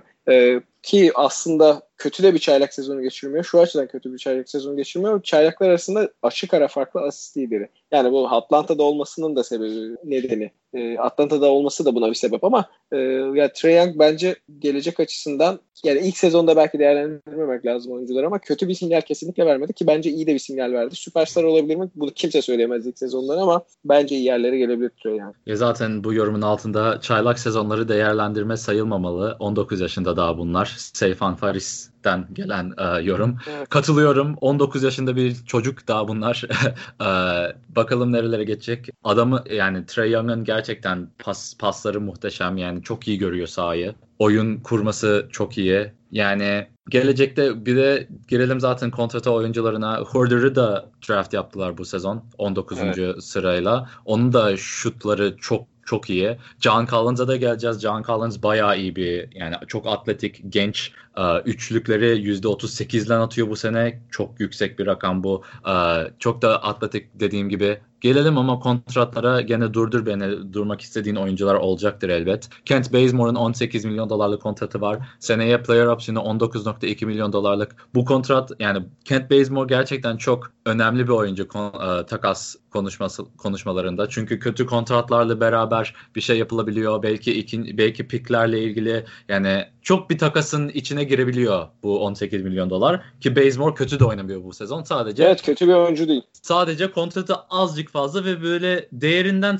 bir tık yüksek olunca kontratı çok takas gündemde çok yer alıyor oyuncular. Bazemore bu durumda. Jeremy Lin'in durumu da aynı şekilde 13.8 milyon dolarlık kontratı bitiyor bu sene. O yüzden de çok e, takaslarda konuşulan bir oyuncu oluyor. Miles Plumlee'nin kötü kontratı 12,5 milyon dolar bu sene ve seneye devam ediyor. De Dwayne Dedman 7,2 milyon dolarlık kontratı bitiyor. Uzun ve üçlük atabiliyor. Defansı yani fena değil. Daha verim bekleniyordu Dwayne Dedman'dan ama e, performansı ve kontratıyla dolayı gene takas günlerinin gündemlerinde de inanılmaz bir e, ilgi e, şey yapıyormuş e, Dedmon'da. Ya zaten 76ers bu rotasyonunda ihtiyacı var evet. Muscala ile Bulls'un second round ikinci tur draft hakkını verirsen Dwayne Dedman'ı belki alabilirsin. Ki o Bulls'un ikinci tur hakkı 30 ile 35 arası olunca neredeyse birinci turda seçmiş gibi oluyorsun. Um, o yüzden bu buna dikkat edelim. Trey Young hakkında konuştuk zaten. Çaylak kontratında 5.3 milyon dolardan başlıyor bu sezon. Alex Len büyükleri uh, Dwayne Dedman'ın arkasında oynuyor. 4.5 milyon dolarlık kontrat yok 4.3 bu sezon seneye 4.2. Torian Prince 3. Uh, sezonunda 2.5 milyon dolar kazanıyor bu sezon. Torian Prince de gündemde çok uh, yani gündeme çıkan oyuncu takas durumlarda. Portland çok istiyor. Houston alabilirse ister. Uh, Minnesota ve yani Philadelphia da isteyebilir. Ama Hawks neden vermek istesin onu pek bilemiyorum. Verimli evet. bir oyuncu çünkü. Yani gayet iyi bir oyuncu. Ve yani aynen daha daha iyi bir değer kazanabilecek misin bilmiyorum Torian Prince'in verdiği değerden. Uh, Justin Anderson 2,5 milyon dolar kazanıyor bu sezon. Restricted olacak bu sezon tekrar. Uh, John Collins uh, istersen durayım sana geçelim. Çünkü ikinci sezon kontratında 2,5 2.3 milyon dolar kazanıyor. İki sene daha devam edecek bu. John Collins hakkında durayım sonra zaten bitiririz. John Collins aslında e, ya bir tık daha iyi oynasa All-Star olabilecek bir oyuncuydu bu. Hakikaten çok iyi oynadı. Çok iyi devriliyor. İkili oyunları hakikaten iyi. E, ya dediğin gibi üçlük, üçlüğü iyi. E, savunması fena değil. Ya bu aslında Atlanta'ya belki genel olarak bir şey söylemem gerekirse bu Just, e, John Collins üzerinden hakikaten çok iyi işler yapıyor. Yani çok şu anda ellerinde gerçekten çok fazla sayıda pik var. Çoğu sanırım ikinci round ama e, ciddi sayıda pik var. Onun dışında kötü kontrat bir tek Miles Plumlee var. E, Kent Bazemore, Bazemore gibi takas edebilecekleri, diğer alabilecek bir oyuncu var. Jeremy Lin gibi diğer takımcıların kullanabileceği bir oyuncu var ellerinde. Çok fazla genç yeteneği var. Kevin Kevin Huerter var. John Collins zaten konuştuk. Çok iyi oynuyor. Mesela Alex Len bir kontrat verdi. Alex Len e, Phoenix'te 4 sezondur doğru düzgün işler yapamamış bir oyuncu. 3 sezondur doğru düzgün işler yapamamış bir oyuncu. Verdikleri kontrat 4,5 milyon dolarlık bir kontrat verdiler ve Alex Len hakikaten şu anda e, yani 7-8 milyon dolar kontratlık iş yapıyor. Yani herkesten Atlanta değerinden daha fazlasını çıkar. Bu açıdan önümüzdeki sezonlarda Atlanta'yı e, Yani belki bir sezon sonra olmaz ama ondan sonra sonraki sezon bu yıldızlarla beraber çok çok daha iyi yerlerde göreceğimizi düşünüyorum. Yani John Collins üzerinden böyle bir e, şey yapmış olayım. Genel olarak yorumlamış olayım. Ya bence işte potansiyeli All-Star dediğin gibi katılıyorum her şeye. Uh, DeAndre ya, Bembry. Bu arada seneye kesinlikle All-Star. John Collins seneye kesinlikle All-Star. O zaman buraya yazıyorum. Seneye All-Star seçimlerini açıklanınca tekrar uh, geri döneriz bu şeye uh, tahmine. Kevin Herter'dan bahsettik. 2.2 milyon dolarlık çay, çaylak kontratı bu sezon başlıyor. 4 sene devam edecek. Uh, DeAndre Bembry 3. senesinde 1.6 milyon dolarlık kontrat. Uh, fena oynamıyor. Bu da gene takaslarda muhabbetlere giren bir oyuncu olacak. Omari Spellman sürpriz bir oyuncu. Büyük üçlükleri de var. Uh, potayı da koruyabiliyor biraz. Uh, 1.6 milyon dolarlık çaylak kontratı bu sezon başlıyor ve 4 sene devam edecek. Kaçıncı seçilmişti? 20'lerde seçilmişti. Unuttum. 30. olabilir. Neyse Vince Carter son senesi mi bilmiyoruz. Uh, adam 41 yaşında hala oynuyor. Hala maçlarını basabiliyor. 1.5 milyon dolarlık minimum kontratı var onun da. Tyler Dorsey'nin minimum kontratı ve Daniel Hamilton de minimum kontratı var. Restricted oluyor. İkisi de bu sezon sonu bu oyuncuların. Ve 25 milyon dolarlık Carmelo Anthony kontratı da hala ödüyor Hawks. Carmelo'ya. Bu da enteresan bir bilgi. Ve böylelikle Southeast grubunu konuşmuş olduk. Takas gündemini konuşmuş olduk. Ömer başka bir şey konuşmak istiyor musun? Ya Hawks, Hawks konusunda çok son bir şey ekle, eklersem önümüzdeki sezonda ciddi bir şeyleri var. Cap space'i var. Ee, bir yıldız alacak al, alma durumları yok. Yani muhtemelen almayacaklar ve e, bu cap space'i doldurma adına pick falan da alabilir. Yani zaten iyi olan geleceği Hawks'ın daha da iyi yerlere gelebilir. Sadece Hawks'la alakalı böyle bir şey söyleyeyim. Ee, Aynen. Önümüzdeki yönetimi... hafta Pardon. Yani devam. şey o All Star konuşmayı düşünüyorduk da önümüzdeki haftada All Star All Star'da biraz daha belki. E... Ya zaten All Star'ı yani haftaya konuşmak biraz daha da mantıklı olabilir. Çünkü haftaya tekrar konuşacaktık. Neden? Bu All Star Draft oluyor ya en çok oy alan iki oyuncu LeBron James ve Giannis e, teker teker takımlarını seçecek sıraya. O, onun sıralamasıyla beraber bütün All-Star'ları konuşuruz. Daha eğlenceli bir muhabbet olur zaten. Takas zaten deadline'ı bitecek. E, Perşembe günü bütün takaslar bitmiş olacak. Onları da konuşuruz haftaya. Haftaya bakalım belki de e, Northwest Division'a geçecektik ama belki onu es geçeriz. Çok haber olacak çünkü büyük ihtimalle takaslardan dolayı tekrar. Bakalım onu sizlere aktarırız. Instagram'da at muhabbetbasketten e, takip edebilirsiniz. Bütün e, aynı bahsettiğimiz gibi maçların anketleri, günün maçlarını ve sonuçlarını açıklıyoruz. Orada takas haberleri, değişik değişik videolar yapıyorum ben. E, videoları da koyuyorum oraya. Sonra e, muhabbetbasket.com'dan da bulabilirsiniz bölümlerimizi. Apple Podcast, Google Podcast bunlarda subscribe yaparsınız. Beğeniyorsanız e, şey yorum 5 yıldız, 4 yıldız yani ne isterseniz oraya koyarsanız gerçekten yardımcı olur bizim için. Ömer sana da teşekkür ediyorum tekrar. Son so, son sözünü vereyim. Uh, ya SoundCloud şeyinde böyle şey söylemek istiyorum. Türkiye'de bayağı evet. SoundCloud kullanılıyor. Ee, evet. Yani SoundCloud'u başta konuşacaktık. Bölümleri teker teker koymaya başlayacağız SoundCloud'a ama bu podcast'in sahiplenme olayları SoundCloud'da pek iyi değil. Ee, ve bunun %100 sahibi biz olmak istiyoruz bu podcast'in. O yüzden de SoundCloud'da yani uzun vadede devam edeceğimizi sanmıyorum. Ama bu sezon için SoundCloud'da bölümlerimizi de bulabileceksiniz. Bunu da aktaralım dedik sizlere. Ama zaten dinliyorsanız bu zahte kadar doğru yerden dinliyorsunuzdur. bu, din, bu da daha bulamayanlar için herhalde olacak daha verimli. Böylelikle de kapatalım. Muhabbet Basket'in 7. bölüm ay yok 7. bölümünü evet e, kapatmış oluyoruz. E, dinlediğiniz için gerçekten çok sağ olun. Instagram'dan takibiniz için sağ olun. E, muhabbetiniz basket olsun diyorum.